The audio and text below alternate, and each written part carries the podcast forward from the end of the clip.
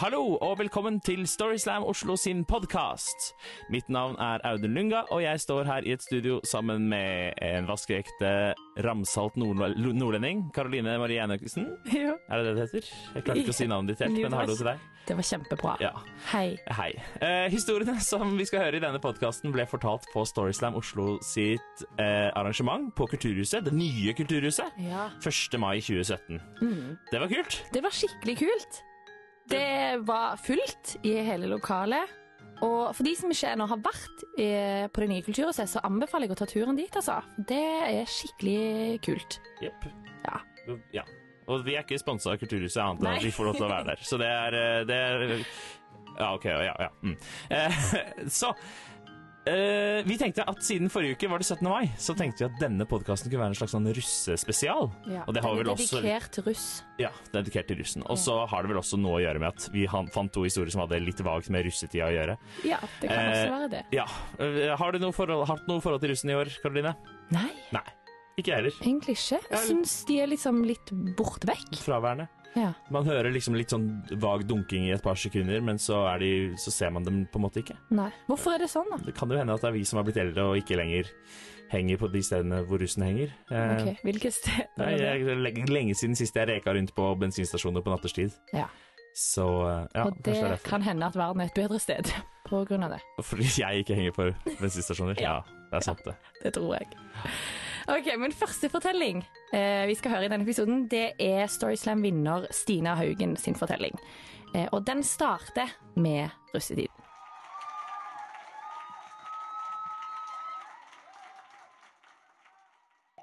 Da jeg startet på drama på Ski videregående skole, så møtte jeg drømmegutten. Han var helt perfekt. Han hadde krøller, var musikalsk, hadde gått på Steinerskole. Så jeg gjorde det jeg måtte. Jeg slo opp med kjæresten jeg allerede hadde. Og så ble jeg sammen med drømmegutten. Og vi hadde det helt sjukt bra sammen. Altså hånd i hanske. Det var helt konge. Og alle, inkludert oss selv, trodde at vi skulle være sammen for resten av livet. Men etter to og et halvt år i forhold så skjer det noe. Jeg blir valgt til russepresident. Altså, Plutselig vil folk på allmenn være venn med meg som går på drama.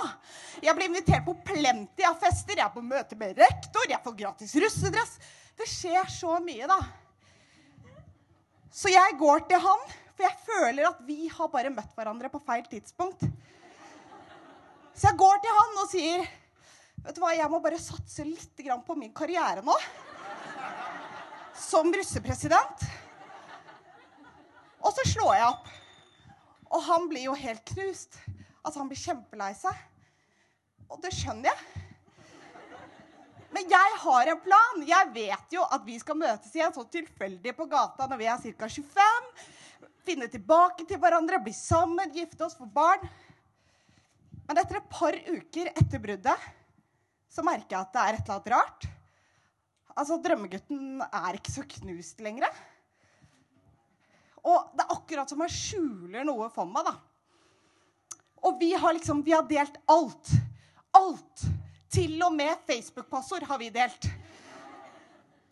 Så jeg gjør det jeg må igjen. Jeg logger inn på Facebooken hans, snoker rundt, går inn på chatten og finner ut at min drømmegutt har blitt sammen med min beste venninne. Ja. Altså, det er ikke greit, da. Det burde stått i Norges lover at uh -uh, don't do that. Og nå vil jo jeg ha tilbake drømmegutten. Altså, Men han vil ikke ha meg. Og ja, det stemmer. Det du ikke kan få, det vil du veldig gjerne ha. Så jeg begynner å hate de to personene jeg har vært så glad i. Jeg begynner å ønske de bare regnværsdager, skabb, klamydia. Og så vil jeg også at resten av skolen skal hate de. Men disse to menneskene er typisk ålreite folk. Så folk tilgir. Og de får heller ikke skabb og klamydia. Så for å drukne sorgene så drar jeg på byen, jeg fester, jeg tukler med andre gutter. Og så kjøper jeg en haug med selvhjelpsbøker. Og etter et par år så får jeg det litt bedre. Jeg gjør det. Men håpet er der jo alltid, liksom. At han en dag skal stå utenfor døren min. Kanskje med gitar, jeg vet ikke. Kanskje si, si liksom 'Stay with me because you're all I need'. Eller 'I will always love you'. Altså, Det er bare forslag. Men et eller annet i den duren, da. Men en dag så blir håpet revet ut av meg. Jeg har blitt 24 år. Det har gått fire år etter bruddet. Og igjen logger jeg inn på Facebook. Denne gangen på min egen konto. Og toppnyheten denne dagen er at min ekskjæreste og min eks beste venninne har forlovet seg. Altså, de planlegger å gifte seg, da. Mens jeg sitter hjemme hos faren min. Jeg er lubben. Jeg vet ikke hva jeg skal med livet. Jeg har ikke billappen engang. Så igjen så må jeg jobbe meg opp av gropa. Og det kommer helt til siste dagen i 2016. Jeg har blitt 27 år gammel. Og det er nyttårsaften, og jeg skal gjeste på kvelden. Så jeg må opp på Storosenteret for å handle inn de siste tingene. Så jeg slenger på meg en svær boblejakke, jogger opp til Storosenteret. Og på Storosenteret på nyttårsaften så er det en million mennesker. Så jeg jobber meg fram. Svetten den renner. Og i tillegg så har jeg smurt meg med litt sånn selvbruning denne kvelden. For å få litt sånn glow. Og for dere som ikke har brukt selvbruning, da. Det stinker når du blir varm. Så rett før jeg er ferdig, så tenker jeg ah, kanskje jeg skulle dratt innom matbutikken bare for å sjekke at jeg ikke har glemt noe. Så jeg rusler inn på matbutikken, stapper med meg litt ting jeg ikke trenger, steller meg i kø, og plutselig, bak meg, hører jeg en stemme som jeg ikke har hørt på åtte år, som sier 'Hei, Stina'. Jeg snur meg, og der står min ekskjæreste og min eks venninne. Og så står jeg der, da. Med fett hår, limt i skolten og skjoldet til selvbruning. Og så snur min eks venninne seg helt. Og så ser jeg at hun er smellgravid. Altså, hun er fødeklar. Og først så tenker jeg bare sånn Å, herregud, det er mitt barn. Jeg skal bli mor. Og så skjønner jeg jo at det er ikke mulig, fordi det er mer enn åtte år siden jeg og ekskjæresten hadde sex. Men så tenker jeg herregud, de har hatt sex. Altså, de har blitt sammen, de har gifta seg, og så har de faen meg hatt sex. Vis litt respekt. Men jeg tenker ikke mist ansikt, Stina. Ikke mist ansikt, så jeg overkompenserer. Å, herregud, du er gravid! Det er gøy! Er du far? Ja, du er far, da. Er termin? Det er februar. Det kan bli valentinsbarn! Woo! Og så skjønner jeg at hele Storesenteret får med seg dette. Så jeg velger å roe ned situasjonen og gå for en klem. Går mot min ekskjæreste, klemmer han, og idet han klemmer tilbake, så kjenner jeg at hele boblejakka tømmes for luft. Og opp så fiser det en deilig duft av selvbruning og svette. Jeg kan liksom ikke få betalt fort nok, da. Og jeg stamper hjem fra Storesenteret. Jeg har dårlig holdning fra før av, men da var liksom halsen plassert mellom puppa. Og den bitterheten bare veller opp igjen. Jeg kommer opp i leiligheten, og så åpner jeg døra. Og der står jo kjæresten min. Som jeg har vært sammen i tre og et halvt år. I dress.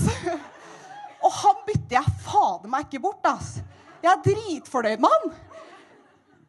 Altså, Jeg bytter den ikke bort mot en million engang. Selv om det er helt sjukt mye penger. Så den kvelden, når rakettene blir skutt opp, så tenker jeg fuck off, Stina. Skjerpings. Du har det dritbra. Du har ikke lyst til å bytte bort noe. Og så lenge du er lykkelig, så må de også få lov til å være det. Så fra og med i kveld så takker Bitre-Stina for seg. Og forhåpentligvis får dere aldri se hun igjen.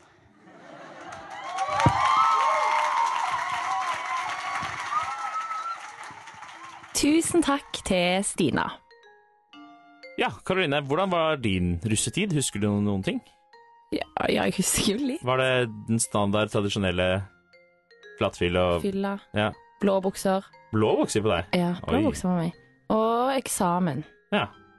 Ja. Det er det alle alltid husker russetida best. uh, for eksamen. Men jeg husker den dårlige samvittigheten for å gjøre det dårlig på eksamen. Ja, Ja. Jeg var sånn krampaktig antiruss, så vi hadde ikke røde bukser. Vi hadde, jeg hadde russeslips. Oi. Ja, Var ikke på noe buss eller noe, vi hadde en trillebår. Nei. Eh, og så på den store vannterrordagen, hvor alle russen tradisjonelt skulle dynke alle førsteklass, eh, førsteklassingene, så samlet jeg og kompisen min masse vannflasker, og så satte vi oss i skolegården og så drakk vi alt vannet. Å, herregud. Sånn var vi. Det var, Oi, eh, det hørtes slitsomt ut. Jeg er glad jeg ikke kjente deg da. Men jeg husker veldig mye fra den perioden og hadde det veldig gøy, og det er det viktigste, er det ikke det? Jo, det er det absolutt viktigste. Og neste forteller, det er eh, Amanda Karlsson. Og hun husker nok også russetida si veldig godt pga. det unike møtet som hun skal fortelle om nå.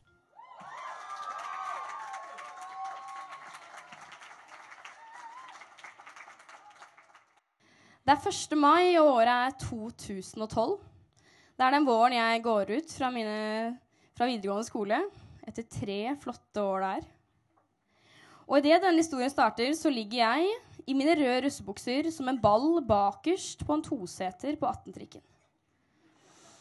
Jeg sover, og som pute bruker jeg min eh, røde fjellrevensekk, som nå kun rommer en helt tom treliter med tysk Riesling.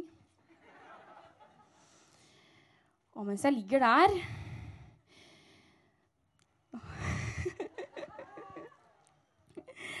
Og som sagt, ja, mens jeg ligger her, helt bakerst på 18-trikken denne morgenen, så kommer det en mann bort til meg og sier eh, Unnskyld. Eh, unnskyld, du skal da vitterligere ikke ligge her. Og det tar litt tid før Amanda 19 år innser at hun ikke ligger hjemme på sitt barndomssoverom, men at hun ligger inne på den klin blå norske Oslo-trikken. Og som om ikke det var nok at jeg lå der så blottet i min røde inne på trikkehallen på Seter den morgenen så må jeg også følges ut av Oslo Sporveis vaskepersonell. For klokka den er 04.30. Og trikken kjører da ikke om natten, om natten, tenker du. Og den gjør heller ikke det, for den trikken her sto bom stille.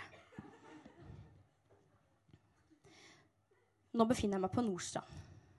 Og om du er vokst opp øst for Akerselva, så vet du hvor sabla langt det er fra Seter til Bergkrystallen T-banestasjon. Om du i tillegg har tømt nedpå en hel treliter med tysk Riesling mellom klokken 21.00 og siste trikk for kvelden, når du ikke engang runder 1,60 i høyden, så vet du hvor sinnssykt vondt du har i hodet dagen etter, og hvor jævlig den kebaben og de tre literne med vin vil opp igjen gjennom spiserøret og ut av munnen. Jeg snirkler meg mellom hvite eneboliger eid av familier i piké med dobbelt etternavn. Og idet jeg når toppen av Rasksvei med best fjordutsikt, så kjenner jeg at nå fylles munnen min med et ubestemt, varmt innhold. Og da finner Amanda 19 år best mulig sted å tømme ut dette innholdet her, og det er et bitte lite skogholt på toppen av Rasksvei. Men jeg kjører bussen forbi noen uker etterpå og finner ut at det her er ikke noe skogholt. Det her er en bitte liten gressflekk med tre godt voksne grantrær. Og her blir jeg stående. Og jeg blir stående. Og jeg blir stående. Jeg blir stående så jævlig lenge at jeg blir imponert over hva det er magen min klarer å fiske frem av rariteter. Og mens jeg står her, så ber jeg til de øvre maktene jeg ikke tror på, om at ingen må ta meg på fersken nå. Det er ingen som må se dette. Og alle dere vet at på Nordstrand så jogger damene iført joggetights til alle døgnets tider. Og dere vet også at mennene deres gjerne spiller to runder tennis før frokost. Så det kunne godt være et par tennisshorts eller en løpebukse som møtte mitt blikk idet jeg nå bikker nakken forsiktig oppover og titter rundt meg. Men det er ikke løpetights eller tennisshorts som treffer mitt blikk. Ops. Det som derimot møter blikket mitt når jeg står der, så blottet og så tatt på fersken, er to kul, runde, sorte øyne, En buskete, brun hale og to fluffy, brune ører. Har det ekornet stått der hele tida? Har det ekornet sett alt jeg har gjort? Og det første som slår meg, Amanda 19 år iført rød russebukse, er hva sier jeg nå? Hei, sier jeg. Aldri før, eller siden for den saks skyld, har et menneske eller dyr sett så dumt på meg. Aldri før har dette ekornet, dette nordstrandsekornet, sett noe så uerfarent og så nakent stående der og servere frokosten på en så utrolig ekkel måte. For det er helt sant, dette firbeinte vesenet står nå og betrakter Kebab Puke Lake, som nå ligger mellom meg og okkerne, som sin frokost. 1 time og 30 minutter senere så låser jeg meg inn døra mi på Bergsdalen. Og det er det der tanken slår meg. Hva skjer om dette ekornet spiser mitt oppkast? Dør ikke det ekornet da? Jeg skulle bli veterinær, jeg. Jeg skulle redde dyr, ikke drepe dyr på vårens flotteste fridag. Så jeg løper inn og skifter fra russebuksa til noe litt mindre gjenkjennelig. Og så googler jeg hva er det ekorn spiser. Og ekorn jo, de stjeler egg i andre fuglers reir. Og så spiser de hasselnøtter. Så jeg finner fram de hasselnøttene som ingen i min familie spiser på julaften. Og så kjører jeg de i en miksmaster sammen med noen rå egg og lager da en smørje som kun Jan Thomas ville drukket til frokost. Og denne smørjen den heller jeg over på en plastboks fra Ikea, som nå overtar plassen til min tomme treliter. Og jeg slenger konken på ryggen og slenger meg på den knall gule kombisykkelen som Amanda fra katten, Katta har skaffet seg. Og så sykler jeg med mine to gir så fort jeg kan tilbake til scratch. Og så ber jeg jo egentlig da til øvre makter om at det ekornet ikke sitter nær. Samtidig som jeg tenker at det er sabla trist om han firebeint krabaten ikke er der. For jeg har lagt ned en så jævlig god innsats i å lage denne frokosten. Men idet jeg ankommer Nordstrand, så sitter herr Ekorn der fortsatt. Og det er helt klart at han har tatt et jafs av det jeg serverte før klokken fem den morgenen. Nå serverer jeg hovedretten. Klokken er 07.00. Og jeg setter Ikea-boksen min mellom oppkastet og ekornet og spenter i spenning. Men ekornet spiser ikke. Så jeg prøver et siste, siste lille innsats på at ekornet skal spise noe annet enn den giften jeg presenterte før klokken fem. Så jeg kaster hovedretten på bakken slik jeg kastet forretten, og så legger jeg meg i gresset. Og til min store glede så spiser ekornet. Og ekornet spiser, og ekornet spiser, og ekornet spiser. Og mens jeg ligger der i gresset den morgenen, så sier jeg til herr ekorn at du um, hvis du bare ikke spiser det jeg serverte deg før klokka fem, så skal jeg komme tilbake jeg, hver dag resten av mai og servere deg denne gode smørja som du nå fikk klokka syv. Så av den grunn så var det ikke bare den 1. mai i 2012 at Amanda satt på toppen av Rasksvei før soloppgang. Det var hver jævla dag i mai.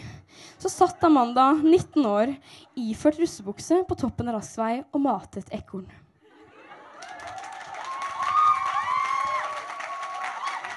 Takk til Amanda. Og takk til deg, Karoline. Jo, og takk til deg, Audun. Og takk til deg som hører på. Ja, og takk til Bernt Mikael, vår eminente lydmann i studio. Yes, og takk til eh, Eidsvollsmennene. Eh, grunnlovsmennene på Eidsvoll. Ja. Oi. Ja. Ja, en liten shout-out til ja, de der. absolutt. Takk til dem. Og takk til eh, Rune Gerhardsen og Einar Gerhardsen og Marte Gerhardsen. Er det flere Gerhardsener som Yes. vi må takke? Ja. Mm, for, ja, mm. det var de, eller? ja. Og takk til deg som hørte på.